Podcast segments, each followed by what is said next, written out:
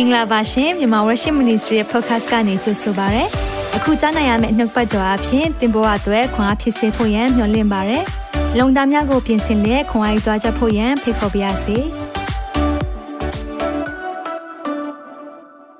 အားလုံးမင်္ဂလာပါ Good morning good afternoon good evening ပါလို့ရောက်စီတိုင်းကိုနှုတ်ဆက်ပါရနော်ဖျားရှင်နာမ၌ရောက်စီတိုင်းကိုကြိုးဆိုရဲအားလုံးပဲနှုတ်ကပတ်တော်အသစ် ခံယူဖို့ရန်အတွက်အစဉ်သင်ဖြစ်နေပြီလို့ယုံကြည်ပါတယ်။ယုံကြည်ခြင်း series ကိုဘာကြောင့်ဟောလဲလို့ပြောတဲ့အခါမှာကျွန်တော်နှလုံးသားထဲမှာယုံကြည်ခြင်းနဲ့ပတ်သက်ပြီးတော့ဒီအချိန်မှာခွန်အားပေးဖို့အထူးခံစားရတယ်။ကျွန်တော်ကိုယ်တိုင်လည်းမြန်မာပြည်ရဲ့အခြေအနေတွေ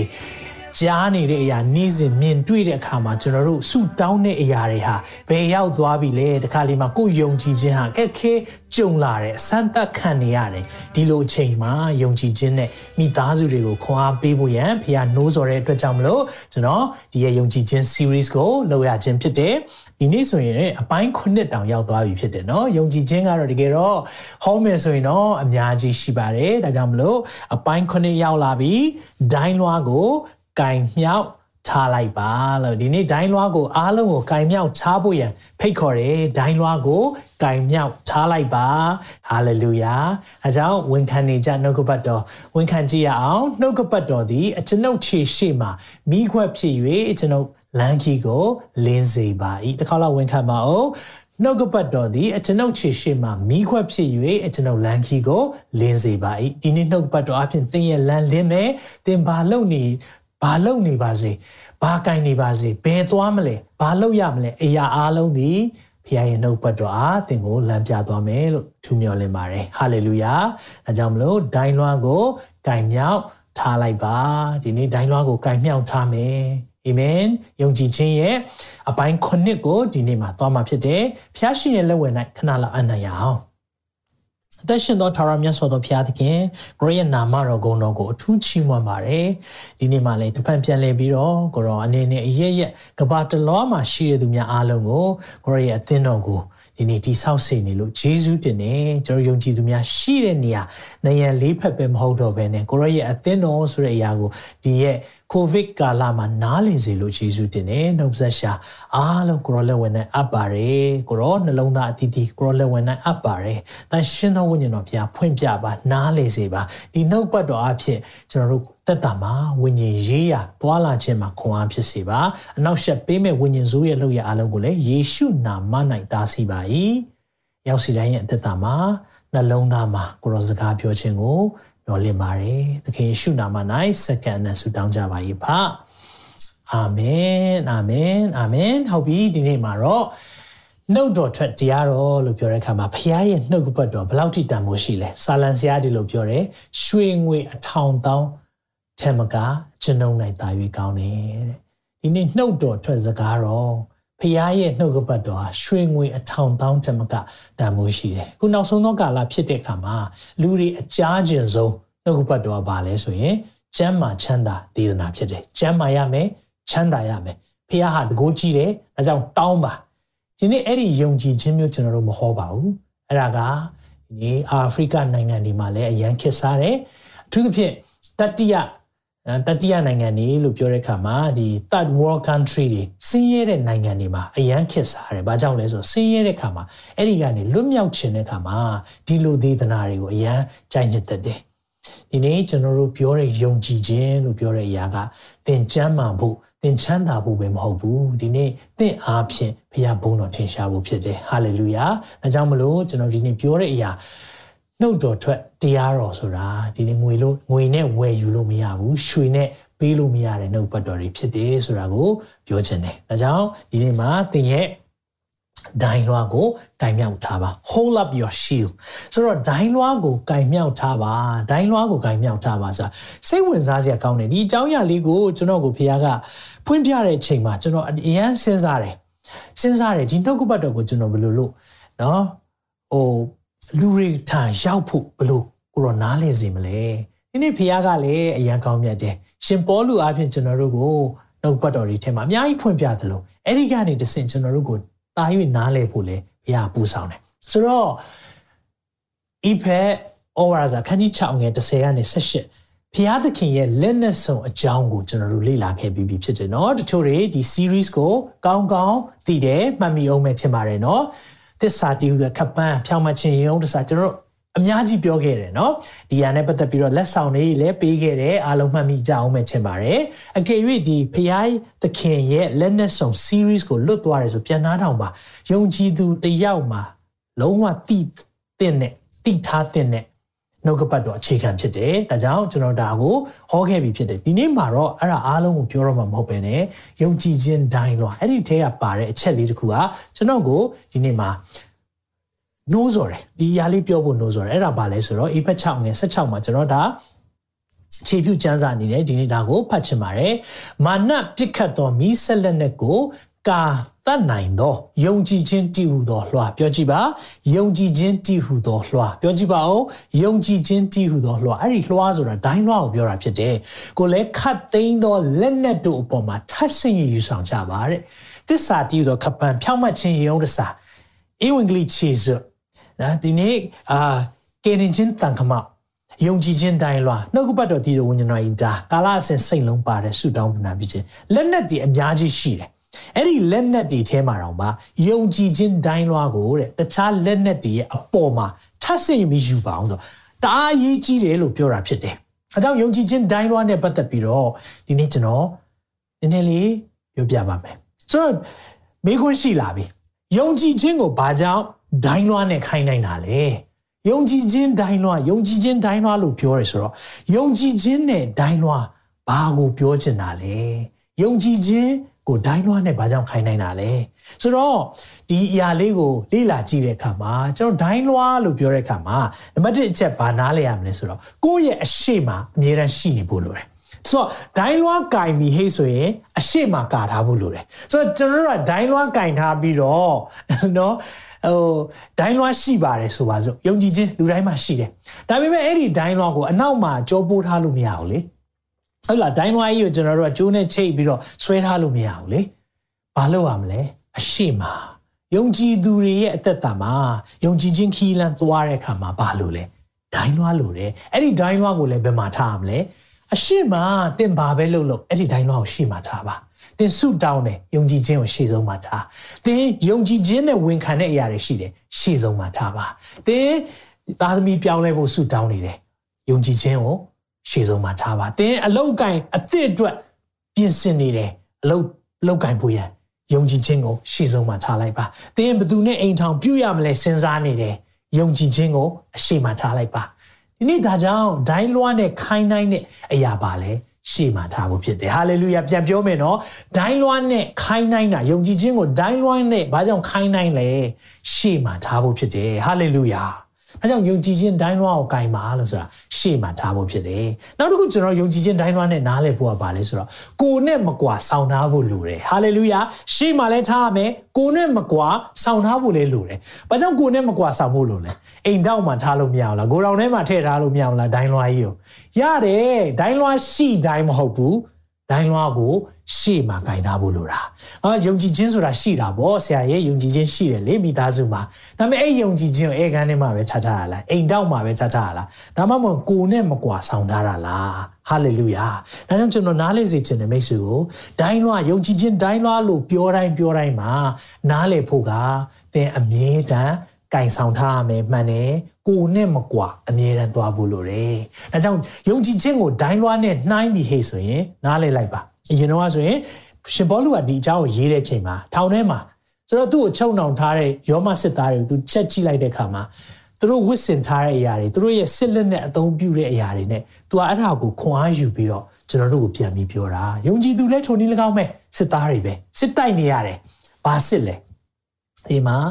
မမြင်နိုင်တဲ့အသွေးအသားနဲ့တိဆောက်ထားတဲ့ရန်သူမဟုတ်ဘူးတဲ့အ ထွတ်မြတ်တွေအာနာဇက်တွေလောကီမောင်မှိုက်နိုင်ဆိုတရားပြုတ်တဲ့မင်းမိုးကောင်းကင်မှာနေတဲ့နတ်ဆိုရန်သူမျိုးစား၄ခုရှိတယ်။အေဘက်6ထဲမှာပဲ30ကနေ18တာယုံကြည်သူများတိကိုတိထားတဲ့တယ်။တခါလေဘာကြောင့်လင်မယားတွေထပြီးစကားများလဲ။ကျွန်တော်မတိလိုက်တဲ့အချိန်မှာအသွေးသားမရှိတဲ့ရန်သူမမြင်ရတဲ့ရန်သူကတိုက်ခိုက်တယ်။ဒါကြောင့်စကားများတယ်။တခါလေဘာကြောင့်မလို့ထပြီးဒေါသတွေထွက်လဲ။နော်ဒီနေ့ကျွန်တော်တို့ဒီရဲ့နောက်ွယ်မှာအများကြီးမာနရဲ့လှုပ်ဆောင်မှုတွေရှိတယ်။ ဒါကြောင့်ကျွန်တော်ဒါတွေကိုနားလေစီနားလေစေခြင်းနဲ့သိထားဖို့လည်းလိုတယ်။အဲကြောင့်ယုံကြည်ခြင်းကိုဒိုင်းလွှားနဲ့ခိုင်းတဲ့အခါမှာကိုယ်နဲ့မကွာဆောင်ထားရမယ်။နောက်တစ်ချက်ယုံကြည်ခြင်းကိုဒိုင်းလွှားနဲ့ဂိုင်းတာတိတ်ရေးကြီးတဲ့ချက်ဖြစ်တယ်။အဲ့ဒါကဘာလဲဆိုတော့ယုံကြည်ခြင်းကိုကင်မထားဖို့လိုတယ်။ဒိုင်းရှိတယ်ဆိုပြီးအရှိမှဒီတိုင်းပဲရှေ့လဲထားတယ်ကိုယ်နဲ့မကွာလဲထားတယ်။ဒါပေမဲ့တစ်ခုမေ့နေတတ်တယ်။ကင်မထားဖို့လိုတယ်ဟာလေလုယာယုံကြည်ခြင်းကိုကင်မထားဖို့လိုတယ်ကင်မထားတယ်လို့ပြောတဲ့အခါမှာလက် လက်ညောင်းမလားညောင်းတာပေါ့တနည်းအားဖြင့်စူးစမ်းမှုပါတယ်တော့ယုံဆင်မခုနလည်းပြောသွားတယ်ဒါကလေစုမတောင်းခြင်းတဲ့ချိန်ရှိတယ်အဲ့ဒီချိန်မှာစုလုံးဝမတောင်းခြင်းတဲ့ချိန်မှာဘုရားရှိခိုးလာပြီးဒူးထောက်ပြီးတောင်းတဲ့အခါမှာသွေးသားဆန္ဒကတော့တခြားမှာဘောလုံးပွဲကြည့်ဖို့ရှောက်သွားဖို့နော်ကိုယ့်ရဲ့စိတ်ထဲမှာရှိတဲ့အရာတွေကိုတငယ်ချင်းကိုဖုံးဆက်ဖို့ဒါတွေကိုနှိုးဆော်လိုက်မယ်အဲ့ဒီအချိန်မှာဒါတွေကိုခဏဖယ်ပြီးတော့ ယုံကြည်ခြင်းနဲ့ဘုရားစီမှာလာတာတိတ်ခက်တယ်နော်ဒါကိုပြောတာဒိုင်းလွှားကင်မထားတဲ့အခါမှာလက်ညောင်းတယ်နော်ညောင်းလိုက်မယ်ဒါပေမဲ့ဒိုင်းမထားဖို့လိုတယ်ဘာကြောင့်လဲမာနကဘယ်ချိန်မှာမြားနဲ့ပြစ်မလဲမသိဘူးအဲ့ဒီတုန်းကသူတို့ကရှေ့တန်းသွားပြီးရဲမက်တွေကရှေ့တန်းသွားပြီးဆိုဟိုဘက်ကရန်သူကမြားနဲ့ပြစ်လာတဲ့အခါမှာဒီဒိုင်းလွှားနဲ့ကာလိုက်တာဒိုင်းလွှားတော့ရှေ့မှာရှိပါရဲ့ညီကြီးမှာချထားမယ်ဆိုရင်တင့်ကိုထိမှာအဲကြောင့်မလို့ဒိုင်းလွှားဆိုတာ အမြဲတမ်းကင်မထားဖို့လိုတယ်ဟာလေလုယာဒါကိုကျွန်တော်တို့နားလည်ဖို့လိုတယ်နောက်တစ်ချက်နားလည်ဖို့လိုတာပါလဲဆိုတော့ဒိုင်းလွှားကကျွန်တော်တို့ကထင်တတ်တယ်ခံစစ်ပဲเนาะရန်သူပြစ်လာတဲ့အရာဒီတိုင်းကျွန်တော်ကာလိုက်ယုံပဲမဟုတ်ဘူးတိုက်စစ်လဲပါတယ်အနီးကတိုက်ပွဲရောက်လာပြီဆိုအဲ့ဒိုင်းကလေချလို့ရတယ်လက်ကတစ်ဖက်ကဓားကင်ထားတယ်ဒါပေမဲ့ဓားနဲ့ခုတ်တဲ့အချိန်ရှိသလိုအခါလေးမှာတွန်းတိုက်ရတဲ့အချိန်ရှိတယ်ယုံကြည်ခြင်းကို အဲ့လိုမျိုးဘုရားကကျွန်တော်တို့သုံးစီချင်တာအနီးကတိုက်ရပြီဆိုအဲ့ယုံကြည်ခြင်းကလေခံစစ်ပဲမဟုတ်တော့တိုက်စစ်လည်းဖြစ်လာတယ်အဲ့ဒီယုံကြည်ခြင်းကလေကျွန်တော်တို့လမ်းကိုရှင်းပေးတော့မှာဟာလေလုယာဒါကြောင့်ယုံကြည်ခြင်းကိုဒိုင်းလွှားနဲ့ခိုင်းတိုင်းတဲ့အရာတွေအကြောင်းရှိတယ်နောက်တစ်ခုကအဲ့ဒီဒိုင်းလွှားဆိုတဲ့စကားနဲ့တကားဆိုတဲ့စကားသူတို့ကအရင်မြင့်ခြင်းတူတယ်လို့လေ့လာမိတယ်ပြောချင်တဲ့သဘောကဘာလဲဆိုတော့ယုံကြည်ခြင်းရှိခြင်းဟာအိမ်မှာတကားရှိတာနဲ့တူတယ်တဲ့ လုံခြုံတယ်တကားမရှိတဲ့အိမ်ဆိုတာအကောင်တွေဝင်မယ်မကောင်းတဲ့သူတွေဝင်နိုင်တယ်ဒါကြောင့်ကျွန်တော်တို့တကားဆိုတာရှိရတယ်နော်တော့ဆိုတာခတ်ရတယ်ထိုနည်း၎င်းပဲယုံကြည်ခြင်းရှိခြင်းဟာသင်ရဲ့အိမ်ထောင်မိသားစုကိုလုံခြုံစေလိမ့်မယ်ဟာလေလုယာဒါကြောင့်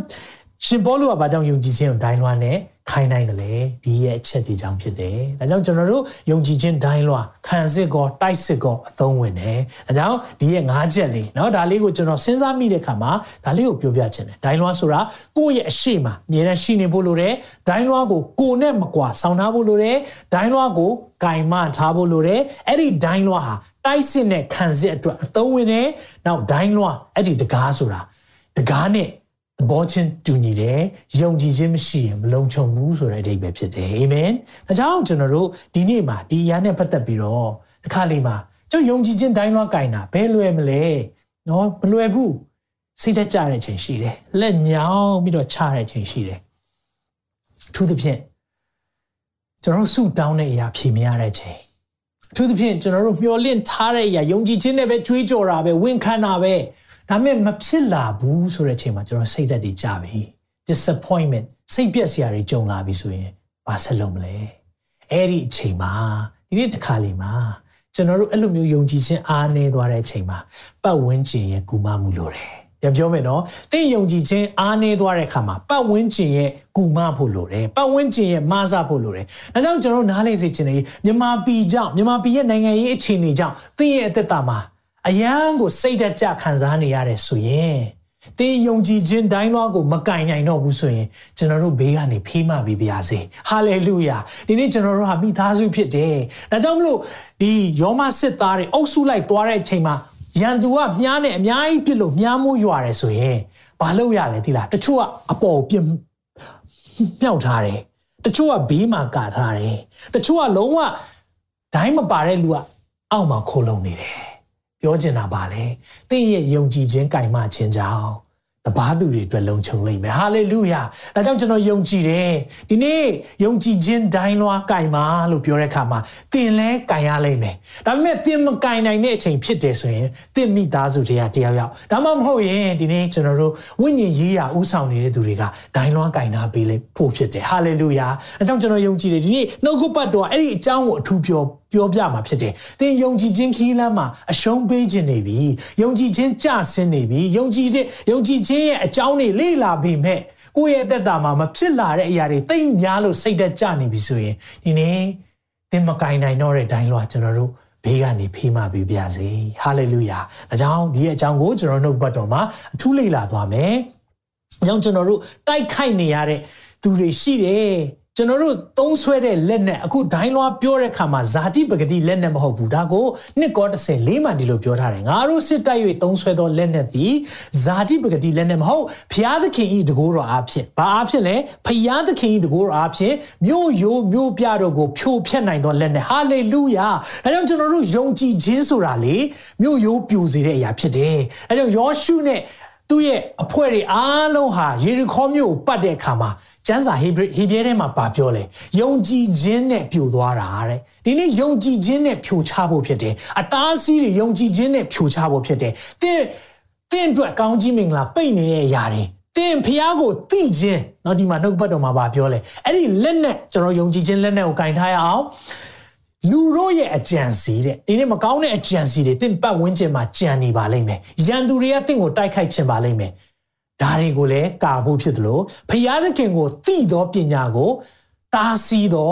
မာမာနာတဲ့ဒီနေ့ဖျားရဲ့ဖျားကိုသိခြင်းဆိုတာဖျားရဲ့နှုတ်ကပတ်တော်ကိုကျွမ်းဝင်ဖို့ဖျားရဲ့နှုတ်ကပတ်တော်နဲ့သွားဖို့သိတဲ့ပညာတွေအားလုံးကိုတားဆီးတဲ့အရာရှိတယ်တဲ့မာမာနာအနားမထောင်တော့ဘူး ဒါတွေကြားဘူးပြီးပြီအာဒါတွေသင်ပြီးပြီဟောဒါတွေကငါတို့ငယ်ကလေးကကြားအဲ့ဒီမာနရှိနေသေးဖျားကိုသိတဲ့ပညာလုံးဝမရှိတော့ဘူးဒါကိုတဲ့ဘာလို့ရမလဲနှိမ်ချမှောက်လိုက်၍ခတ်သိမ်းသောစိတ်တို့ကိုဖမ်းသွားချုပ်ထားလဲခရစ်တော်ဤစကားကိုနားထောင်စေကြ၏ဒါကြောင့်ကျွန်တော်တို့ဖခင်ရဲ့နှုတ်ကပတ်တော်နဲ့ကျွန်တော်ခွန်အားယူဖို့ဖြစ်တယ်လက်နဲ့ဒီကင်ထားဖို့ဖြစ်တယ်အာမင်အဲကြောင့်ဒီနေ့ဘယ်အကြောင်းအရာလေးနဲ့ကျွန်တော်ခွန်အားပေးခြင်းလဲဆိုတော့ဒါကတော့ရှင်မာဂရု ခရစ်ဝင်ကျမ်းခန်းကြီး1ထဲအကြောင်းအရာလေးဘာလဲဆိုတော့ဒီနေ့လက်ချေတည်တဲ့သူကိုသူတငယ်ချင်း၄ယောက်ကခေါ်ဆောင်လာတဲ့အကြောင်းလေးဖြစ်တယ်လက်ချေတည်နေပြီဒါမဲ့သူ့တငယ်ချင်းမှာသူ့မှာတငယ်ချင်း၄ယောက်တိတ်ကိုနော်အာကောင်းမွန်တဲ့တိတ်ကိုသူ့ကိုချမ်းမာစေခြင်းနဲ့တငယ်ချင်း၄ယောက်ရှိတယ်။ဒါကြောင့်ဒီနေ့နှုတ်ကပတ်တော်ကတင်ကယ်၍ ယုံကြည်ခြင်းခီးလာမှာဆက်မသွားနိုင်တော့ဘဲနဲ့လက်ချီတည်တကယ်လို့ခံစားရဆိုရင်ဒီနေ့တင်ပတ်ဝန်းကျင်မှာရှိတဲ့သူများရဲ့ယုံကြည်ခြင်းအပြင်တင့်ကိုပြန်ပြီးကျမ်းမာပါကျမ်းမာစေဖို့ရန်အတွက်ကျွန်တော်တို့ဒီနေရာကနေတိုက်တွန်းခြင်းတယ်အာမင်အဲကြောင့်ကျွန်တော်တို့လက်ချေတည်တဲ့သူကိုကုသတဲ့အရာကိုဒီနေ့ရှင်မာကုခရစ်ဝင်နှစ်ထဲကကျွန်တော်ဖတ်ခြင်းတယ်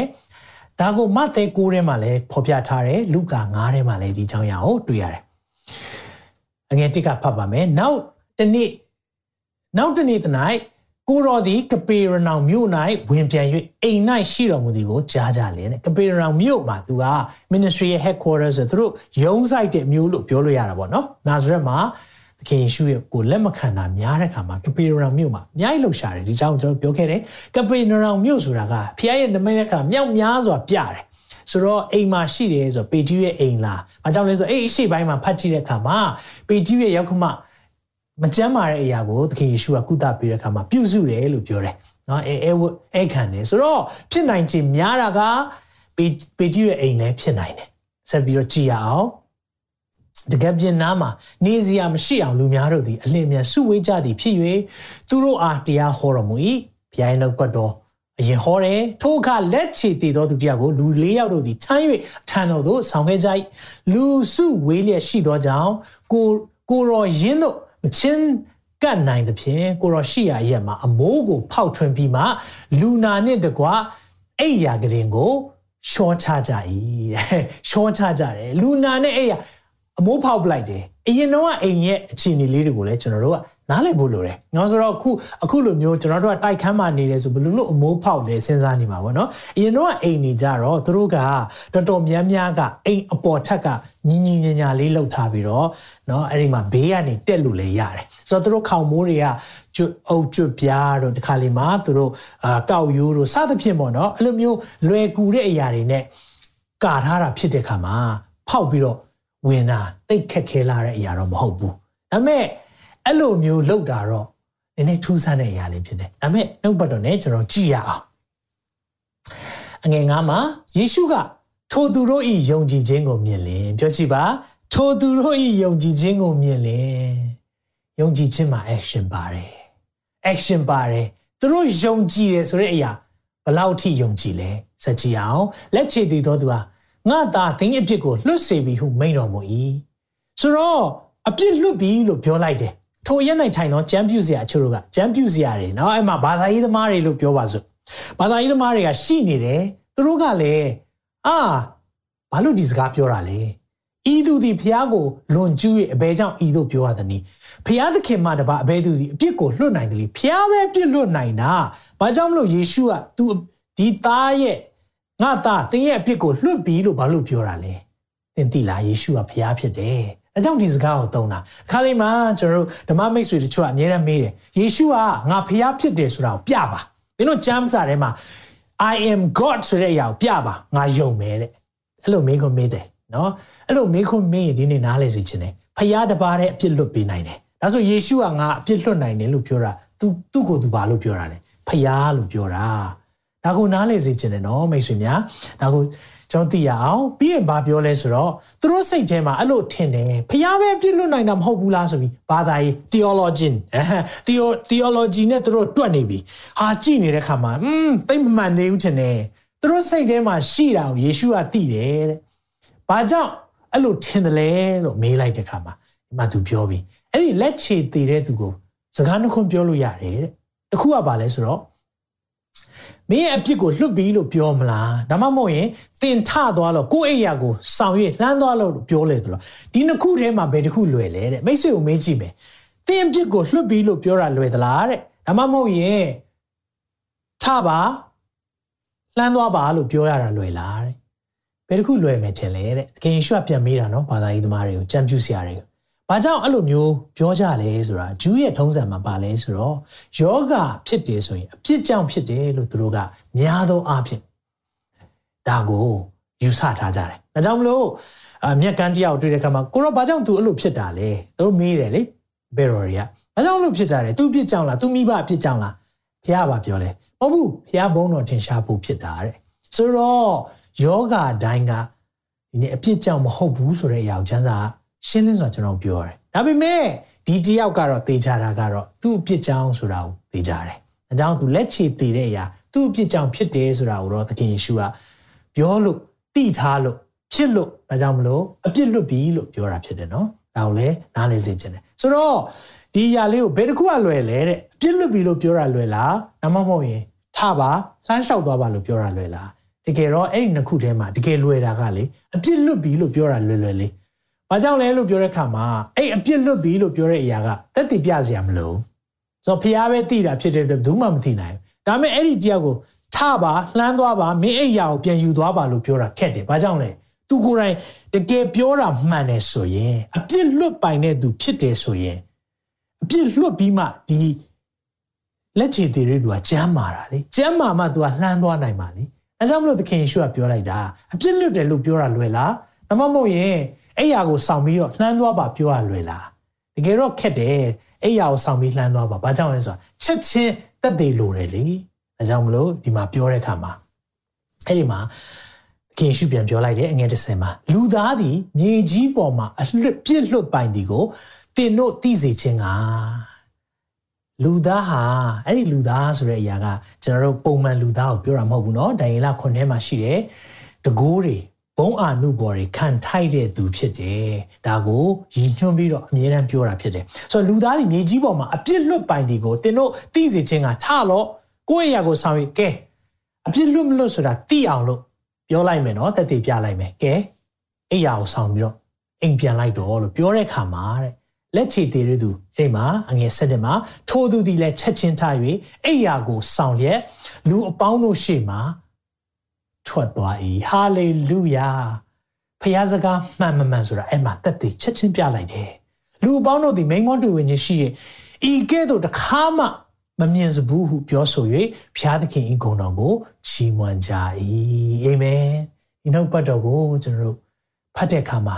ကျွန်တော်ဒီအကြောင်းအရာတွေကိုအရင်တော့ကတော့ဟောမှုတယ်ဒါပေမဲ့အဲ့ဒီယုံကြည်ခြင်းနဲ့ပတ်သက်ပြီးတော့တွဲပြီးတော့ဒါပထမအောင်ဆုံးခြင်းပြောတာဖြစ်တယ်ထူးသဖြင့် ယုံကြည်ခြင်းဒိုင်းလွှားကင်တာပါလို့ပြောတဲ့အခါမှာသင်ဟာအဲ့ဒီလက်ချေတည်နေတဲ့သူကဲ့သို့ကိုယ်တိုင်မသွားနိုင်တော့ဘူးဆိုရင်ရောကိုယ်တိုင်မကင်နိုင်တော့ဘူးဆိုရင်ရော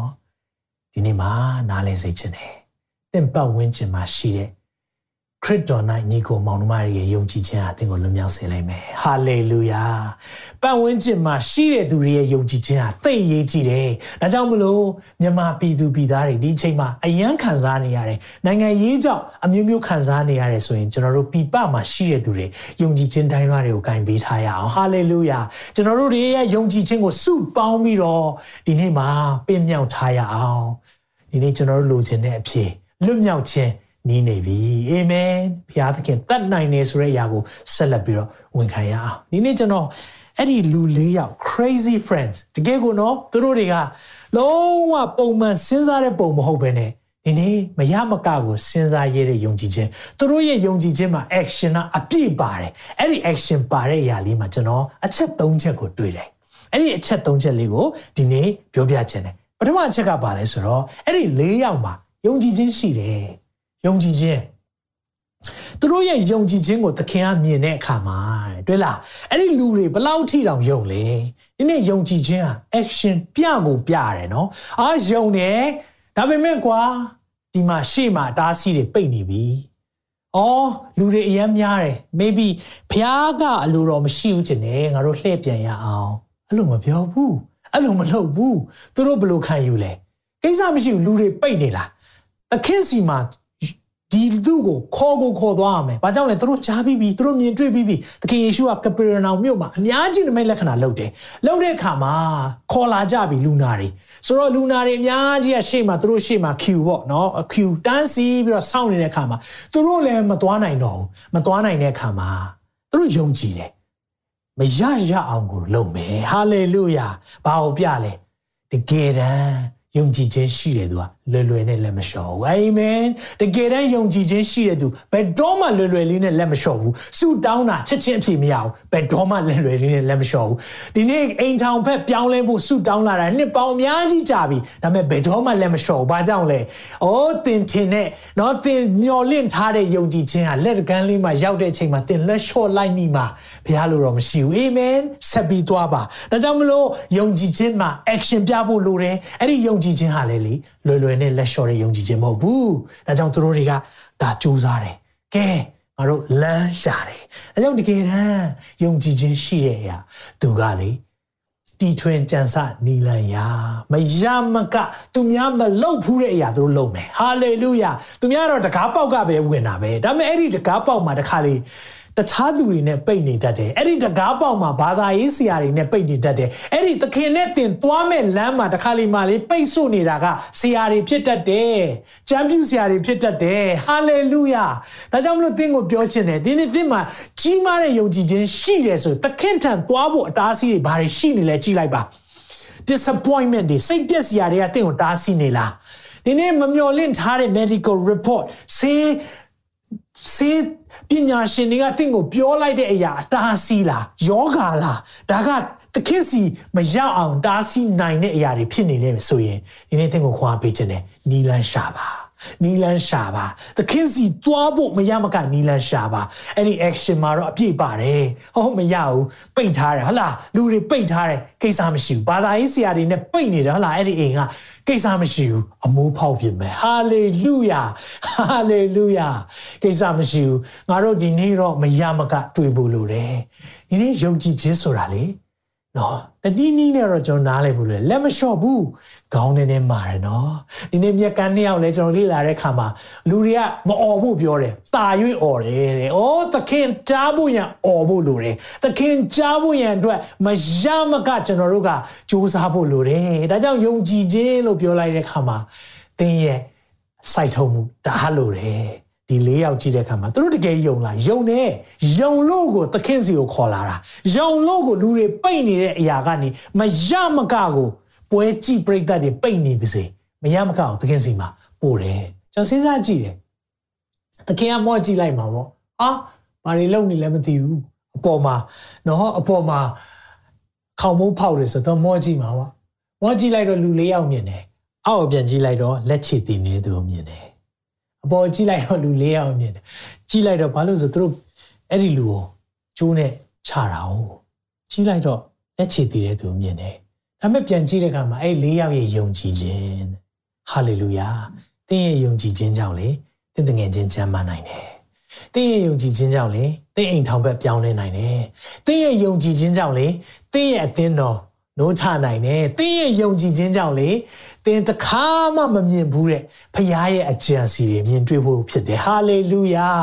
ဒါကြောင့်မလို့ယုံကြည်ခြင်းအဲ့ဒီ၄ယောက်မှာတွေ့တဲ့အရာကယုံကြည်ခြင်းဖြစ်တယ်နောက်တစ်ခုတွေ့တယ်နံပါတ်1ချက်အဲ့ဒီ၄ယောက်မှာတခါတခြားတွေ့တဲ့အရာမျှော်လင့်ခြင်း hope hope မျှော်လင့်တဲ့အရာ သူတို့သခင်ထံကိုခေါ်လာရင်ကြမ်းပါမယ်ဒါကြောင့်ယုံကြည်ခြင်းဆိုတဲ့အရာသူတို့သိနေတယ်မမြင်သေးတဲ့အရာမမြင်သေးဘူးတငယ်ချင်းကြမ်းမာတာမမြင်သေးဘူးသူတို့ဒါပေမဲ့သူတို့မျှော်လင့်ထားတယ်မြင်ပြီလက်ချေသေးနေတယ်သူတို့သိတယ်သခင်ထံခေါ်လာရင်တော့ကောင်းကိုကောင်းသွားမယ် သခင်ယေရှုထံခေါ်လာပါ။တင်းရဲ့ပြဿနာတွေအခက်အခဲတွေတယောက်တည်းကြိတ်ပြီးဖြေရှင်းမနေပါနဲ့။တင်းရဲ့မိသားစုအခက်အခဲလား။တင်းတငယ်ချင်းပြဿနာလား။မိတ်ဆွေအခက်အခဲလား။ဒါဆိုရင်ဒီနေ့မှာအဲ့ဒီမိတ်ဆွေကိုသခင်ထံခေါ်လာခဲ့ပါ။ဟာလေလုယာ။ဒီနေ့စ조사ပြီးတော့ဖြေရှင်းပေးနေသင်စိတ်ညစ်လိုက်မယ်။ နော်ဒီနေ့သင်ထမ်းမှာတော့လူသားလာပါပြဿနာမလာပါနဲ့လူတွေကပြဿနာဆိုမကြားချင်ဘူးဒီနေ့သခင်ကတော့ဗာပြောလဲလူရောလာခဲ့ပြဿနာရောလာခဲ့ဝင်လေးပြီးပင်ပန်းသောသူပေါင်းတို့ငါချန်တို့လာလာကြလောငါသည်ချမ်းသာပေးမယ်လူရောလာခဲ့ပြဿနာရောလာခဲ့ဟာလေလုယာယေရှုကတော့ပြောနေတယ်လူလဲလာခဲ့ပြဿနာလဲလာခဲ့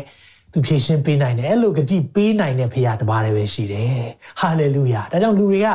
တင်းစီမှာပြဿနာအခက်ခဲနဲ့လာရင် အဲ့ဒီပြဿနာအခက်ခဲရှိတဲ့သူကိုသခင်တန်ခေါ်လာခဲ့ပါဒီလေးယောက်မျောလင့်ချက်အပြည့်ရှိတယ်သခင်တန်ခေါ်လာရင်ကျမ်းကိုကျမ်းမှာမှာဒါကြောင့်သူတို့နီလန်းရှာတယ်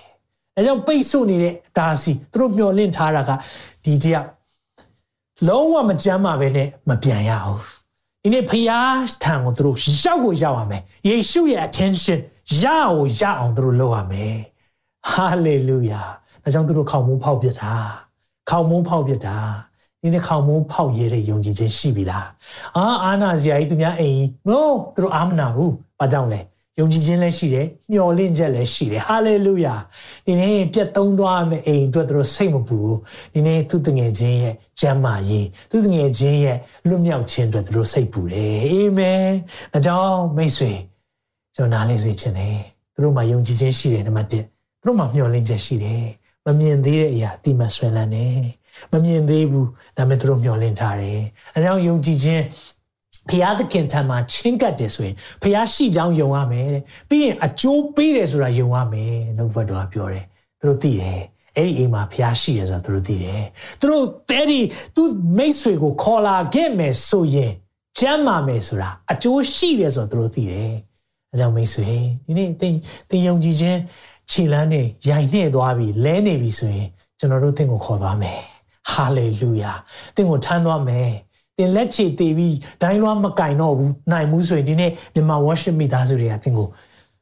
ကူပြီးတော့ကင်မသွားမယ်ဟာလေလုယာသင်ကိုသခင်တန်ခေါ်သွားမယ်ကျွန်တော်တို့မဖြည့်ရှင်းပေးနိုင်မှုကိုနဲ့အာကျွန်တော်တို့ဘာမှတင်းရဲ့ခက်ခဲတွေဖြည့်ရှင်းပေးနိုင်မှာမဟုတ်ဘူးဒါပေမဲ့ဖြည့်ရှင်းပေးနိုင်တဲ့သူကိုသိတယ်ဖြည့်ရှင်း ပေးနိုင်တဲ့အဖြေရမယ့်နေရာကိုသိတယ်အဲ့ဒါကတော့သခင်ယေရှုစီပဲဖြစ်တယ်ဒါကြောင့်သင်မှာခက်ခဲရှိနေလားဝင်လေးနေလားပင်ပန်းနေလားသခင်ယေရှုပြောနေတယ်သူစီမှာလာခဲ့ပါတဲ့ဟာလေလုယာအဲကြောင့်ယုံကြည်ခြင်းရှိတယ်မျှော်လင့်ခြင်းရှိတယ်နောက်ဆုံးတစ်ခုအဲ့ဒါကပါလဲဆိုတော့သူတို့မှာချစ်ခြင်းရှိတယ်ဟာလေလုယာသူတို့မှာချစ်ခြင်းရှိတယ်ဒီတယောက်ကိုမချစ်ရင်သူတို့မလုပ်နိုင်ဘူးဒါကြောင့်ကျွန်တော်တို့ယုံကြည်ခြင်းတွေမျှော်လင့်ခြင်းတွေချစ်ခြင်း အဲ့ဒီမိတ်ဆွေအတွက်သူတို့စိတ်ပူတယ်ဒါဆိုရင်ကျွန်တော်မျိုးကိုမေးချင်ပါတယ်မိတ်ဆွေကိုတဲ့ပတ်ဝန်းကျင်ရှိတဲ့မိတ်ဆွေဝိညာဉ်ရေးရမှာလွတ်မြောက်ဖို့သင်စိတ်ပူသလားတဲ့ပတ်ဝန်းကျင်မှာအဝေးမပြောပါဘူးအနီးနာမိသားစုထဲမှာခရစ်တော်ရဲ့မေတ္တာကိုမသိသေးတဲ့သူရှိတယ်ဆိုရင်သူပြောင်းလဲဖို့တဲ့မှာဝင်တာရှိလားမိတ်ဆွေအဲ့ဒါချစ်ချင်းနဲ့ဆိုင်တယ် အိစားမရှိပါဘူးလေမဟုတ်ဘူးဒီနေ့ဘုရားကကျွန်တော်တို့ကိုနားလဲစေချင်တာအဲ့ဒီချစ်ချင်းကိုအခြေခံတဲ့အခါမှာတကယ်တော့သူတို့အဲ့ဒီအခြေခံတဲ့အရာချစ်ချင်းအဲကြောင့်နှုတ်ကပတ်တော်ကပြောလဲတိကော73ထဲမှာတိကော73ငယ်73မှာယခုတွင်ယုံကြည်ခြင်းမျှော်လင့်ခြင်းချစ်ခြင်းဤသုံးပါးတည်လျက်ရှိ၏ဤသုံးပါးတို့တွင်ချစ်ခြင်းမေတ္တာသည် အမျက်ဆုံးဖြစ်သည် ဤသုံးပါးရှိတယ်လိုတယ်နော်မလို့မဟုတ်ဘူးလိုတယ်သူတို့မှာယုံကြည်ခြင်းရှိတယ်သူတို့မှာမျှော်လင့်ချက်ရှိတယ်ဒါပေမဲ့သူတို့မှာဘာကိုအခြေခံထားလဲချစ်ခြင်းမိတ်ဆွေမှာယုံကြည်ခြင်းရှိတာကောင်းတယ်ယုံကြည်တာကောင်းတယ်မျှော်လင့်ထားတယ်ဒါပေမဲ့ကျွန်တော်လူအပ်တတ်တဲ့အရာလေးကချစ်ချင်းဖြစ်နေတတ်တယ်တင်နိုင်ငံကိုချစ်ရလားတင်လူမျိုးတွေကိုချစ်ရလားယုံကြည်လားဘုရားကလွတ်မြောက်ခြင်းပေးမယ်ဆိုတာယုံကြည်တယ်မျှော်လင့်ထားလားမျှော်လင့်ထားတယ် အဲဆိုရင်တင်ချစ်သလားတင်ချစ်ပြီးဟေ့ဆိုရင်ပင်ပန်းတာမရှိတော့ဘူးတင်ချစ်ပြီးဟေ့ဆိုရင်နီလန်းရှာကိုရှာတယ်ဒီတယောက်လွတ်မြောက်ဖို့ဒီလောက်ဒီတယောက်ဝိညာဉ်ရေးရမှာကြမ်းမှာဖို့တင်ဆုံးဖြတ်လိုက်မယ် မိတ်ဆွေဒီနေ့မှာဤသုံးပါးမှာချစ်ချင်းမေတ္တာအမျက်ဆုံးဖြစ်တယ်ချစ်ချင်းမေတ္တာဒီအမျက်ဆုံးလို့ရေးပါအောင်ချစ်ချင်းမေတ္တာဟာအမျက်ဆုံးဖြစ်တယ်ဒါပေမဲ့တခြားဟာတွေလည်းမရှိလို့မရဘူးယုံကြည်ခြင်းလည်းလိုတယ်မျှော်လင့်ချက်လည်းလိုတယ်ဒါပေမဲ့အခြေခံသွားဖို့ဟာချစ်ချင်းမေတ္တာဒီကျွန်တော်တို့ပတ်ဝန်းကျင်ပြောင်းလဲဖို့ကျွန်တော်ချစ်ချင်းမေတ္တာကိုအခြေခံရအောင်ကျွန်တော်ပတ်ဝန်းကျင်ကိုပြောင်းလဲစေတဲ့အရာကတင်းရဲ့ယုံကြည်ခြင်းဆိုတာမှန်ပါတယ်တင်းရဲ့ချစ်ခြင်းဆိုတာတင်းရဲ့မျှော်လင့်ချက်ဆိုတာမှန်တယ် ဒါပေမဲ့ချစ်ချင်းမေတ္တာ။ကြောင့်သူတို့တွေကြည်တဲ့အခါမှာဒီသုံးခုမှာချစ်ချင်းမေတ္တာသခင်ကသူတို့ရဲ့မေတ္တာကိုမြင်သွားတယ်။သူတို့ရဲ့ယုံကြည်ခြင်းကိုမြင်သွားတယ်။သူတို့မျှော်လင့်ထားတဲ့အရာကိုမြင်တဲ့အခါမှာဒီနေ့ကျမ်းမာခြင်းပေးလိုက်တယ်။ကဲအဖြစ်ကိုခွင့်လွှတ်တယ်။ဟာလေလုယာ။အကြောင်းဒီသုံးယောက်မှာရှိတဲ့အရာကယုံကြည်ခြင်းမျှော်လင့်ခြင်းချစ်ခြင်းပါတဲ့ ဒီသုံးပါဟာလေလုယာအဲ့ဒီထဲမှာချစ်ချင်းမြတ်တာအမျက်ဆုံးဖြစ်တယ်မိတ်ဆွေဒီနေ့ဖျားပေးတဲ့လက်ဆောင်တွေထဲမှာအကြီးမားဆုံးကပါလဲသိလားချစ်ချင်းမြတ်တာဖျားပြတဲ့နမိတ်လက္ခဏာတွေအများကြီးရှိတယ်အဲ့ဒီထဲမှာအကြီးမားဆုံးနမိတ်လက္ခဏာသိလားခွင့်တော့ခြင်းတင်းနဲ့ကျွန်တော်မကောင်းဘူးတင်းနဲ့ကျွန်တော်အာကုသိုလ်နဲ့ပြည်တယ်ဒါပေမဲ့ သူပြတဲ့ကြီးမားတဲ့နမိတ်လက္ခဏာကခွင့်လွှတ်ခြင်းဒီနေ့သင်မကြမ်းပါဘူးဆိုရင်ဒီသခင်ထောင်ယုံကြည်ခြင်းနဲ့လာခဲ့ပါမျှော်လင့်ခြင်းနဲ့လာခဲ့ပါချစ်ခြင်းနဲ့လာခဲ့ပါဒါဆိုသခင်ကဘာလုပ်ပေးမလဲခွင့်လွတ်တယ်ခွင့်လွတ်တယ်ငါသားမင်းရဲ့အဖြစ်ကိုလွတ်နေထသွားပါအဲ့ရကိုဆောင်းသွားပါကြမ်းမာပြီးတော့ပြန်သွားတယ်သူ့ကိုယ်သူဆိုရင်တော့သူလာနိုင်မှာမဟုတ်ဘူးသူရဲ့ခွန်အားနဲ့ဆိုသခင်နာရောက်နိုင်မှာမဟုတ်ဘူး ဒါပေမဲ့သူ့မှာမိတ်ဆွေတွေရှိတယ်ဒီမိတ်ဆွေလည်းမေးခြင်းတယ်။တင့်မှာယုံကြည်ခြင်းမှာအကူရတဲ့မိတ်ဆွေတွေရှိလား။တင့်ပတ်ဝန်းကျင်မှာတင့်ကိုတင်လဲတဲ့အချိန်မှာထူမပေးမဲ့ကယ်မပေးမဲ့လက်တွေရှိလား။များသောအားဖြင့်ကျွန်တော်တို့ကိုလက်ညှိုးထိုးတဲ့လက်တွေများတတ်တယ်။ဒါမဲ့အဲ့ဒီလက်ညှိုးထိုးတဲ့လက်တွေမဖြစ်ဘဲနဲ့ထူမတဲ့လက်တွေဖြစ်ရအောင်။ဟာလေလုယာ။ဒီနေ့ကျွန်တော်အဲ့ဒီထူမတဲ့လက် ဖြစ်ဖို့ရတဲ့ဒီနေ့မှာဘုရားရှိခိုးစက်ကပ်ရအောင်။ယုံကြည်ခြင်းနဲ့ထူမပေးရအောင်။ကိုပတ်ဝန်းကျင်မှာမသွားနိုင်တဲ့သူတွေရှိနေလိမ့်မယ်ကိုပတ်ဝန်းကျင်မှာယုံကြည်ခြင်းသင်မောပြတ်တဲ့သူတွေရှိတယ်ဆိုရင်ဒီနေ့ကျွန်တော်တို့ရဲ့ယုံကြည်ခြင်းနဲ့ထူမပေးရအောင်ကျွန်တော်တို့ရဲ့မျှော်လင့်ချက်နဲ့သူပြန်လည်ပြီးတော့ကောင်းလာနိုင်တယ်ဘာကိုအခြေခံရမလဲချစ်ချင်းမြတ်တာကြောင့်ဒီရဲ့အဖြစ်ပြက်မှာဘာတွေ့ရလဲ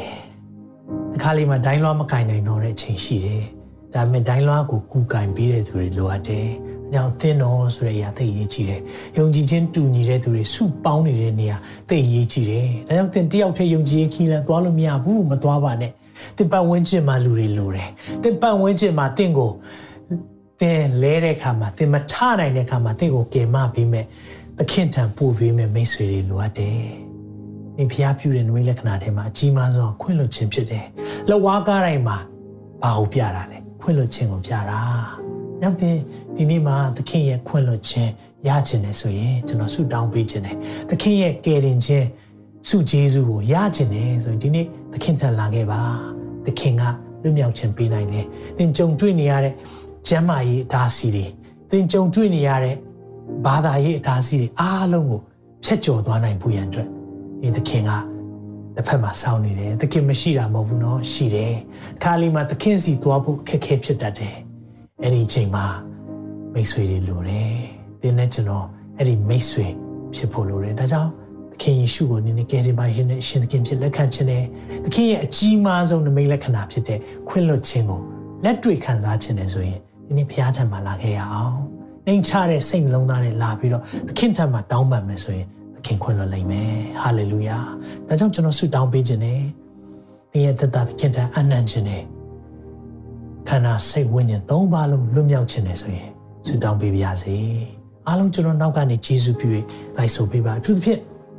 တင်ဘာသာရေးအတိုင်းဝိုင်းတစ်ခုခုကနေထွက်လာခြင်းနဲ့ဆိုရင်လေဒီနေ့သခင်ယေရှုကစောင့်မျှော်နေတယ်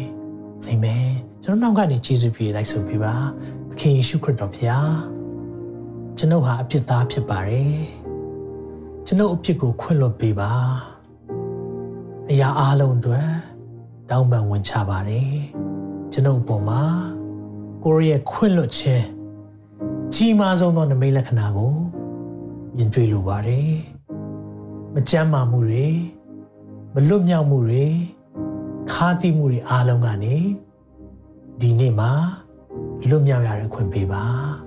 သခင်ယေရှုဖျားကျွန်ုပ်ဘဝကိုအုပ်ဆိုပါသခင်ကို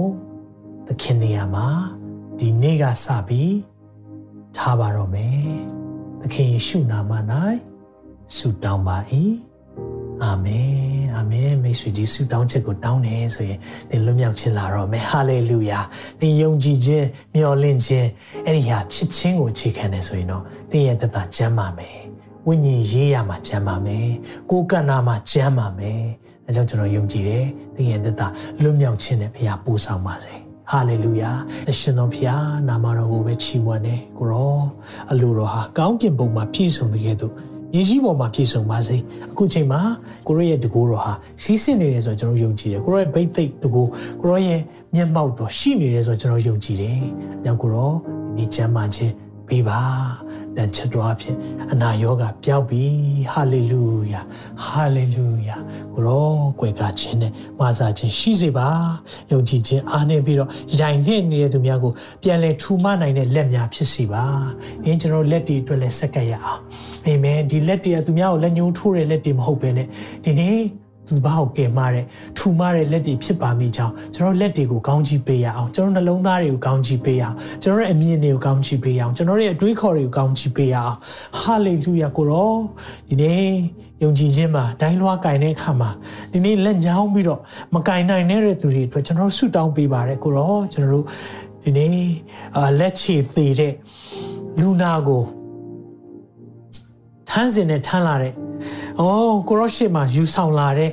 တငယ်ချင်း၄ယောက်ရဲ့ယုံကြည်ခြင်းကဲ့သို့ပဲယုံကြည်နိုင်သောသူများဖြစ်ဖို့ရန်အတွက်ကျွန်တော်ယုံကြည်ခြင်းကိုကိုရောမြင့်တင်ပေးပါ။သူတစ်ပါးကိုလက်ညှိုးထိုးခဲ့တဲ့အရာတွေအတွက်ခွင့်လွှတ်ပေးပါ။သူတစ်ပါးဝေဖန်တဲ့အရာအမြင်မှားတဲ့အရာတွေအတွက်ကိုရောခွင့်လွှတ်ပေးပါ။ကျွန်တော်ရဲ့အမြင်များကိုရောအမြင်ဖြစ်ဖို့ကျွန်တော်ရဲ့တွေးခေါ်များကိုရောအုပ်ဆိုးဖို့ကျွန်တော်ရဲ့လက်များသူများကိုလက်ညှိုးထိုးတဲ့လက်များမဟုတ်ဘဲနဲ့ထူမားတဲ့လက်များဖြစ်ဖို့ရန်အတွက်ကိုရောကောင်းချီးပေးပါ။ပို့ဆောင်ပေးပါ။ ကျေးဇူးတော်ကိုချီးမွမ်းနေဒီနှုတ်ပတ်တော်အဖြစ်ဒိုင်လွှားကိုကင်မြောက်ထားလိုက်ပါဆိုတဲ့အတိုင်းပဲကျွန်တော်တို့ကိုဒီနှုတ်ပတ်တော်အဖြစ်ကိုရောဝိညာဉ်တော်ဖျားအမြဲတမ်းစကားပြောလျက်ကျွန်တော်တို့ရဲ့ရှောက်လန်းနေရတဲ့ယုံကြည်ခြင်းခီးလမ်းမှာအာသစ်ဖြစ်စေပါမိကြောင်းဒီပါးကြောသားရမြတ်သခင်ယေရှုနာမ၌စက္ကန့်နဲ့ဆုတောင်းကြပါ၏ပါ အာမင်အာမင်သာရဖျားသည်သင်ကိုကောင်းချီးပေး၍ဆောင်မတော်မူပါစေသောသာရဖျားသည်သင်၌မျက်နာတော်အလင်းကိုလွှတ်၍ဂိယူနာယေရှုပြုတော်မူပါစေသောသာရဖျားသည်သင်ကိုမျှော်ကြည့်၍ချမ်းသာပေးတော်မူပါစေသောလူတွေရဲ့ချမ်းစီမမိနိုင်တဲ့ဖျားရဲ့ငြိမ်သက်ခြင်းဝမ်းမြောက်ခြင်းပျော်ရွှင်ခြင်းများသင်နဲ့သင်မိသားစုပေါ်မှာတရားပါစေနောက်တစ်ပတ်ပြန်လည်ဆုံတွေ့ပါအောင်မယ် God bless you all တင်ခုလိုနာဆင်ခွန်အားနိုင်ခြင်းဟာမြန်မာ Worship Ministry ကိုလာဆင်ပန်ပိုးနေကြတဲ့ Kingdom Partners များအကြောင်းဖြစ်ပါတယ်။ဖျားခင်နိုင်ငံတော်ကျယ်ပြန့်ရေးအတွက်လာဆင်ပေးကမ်းပောင်းဖို့ရန်ဖိတ်ခေါ်လိုပါတယ်ရှင်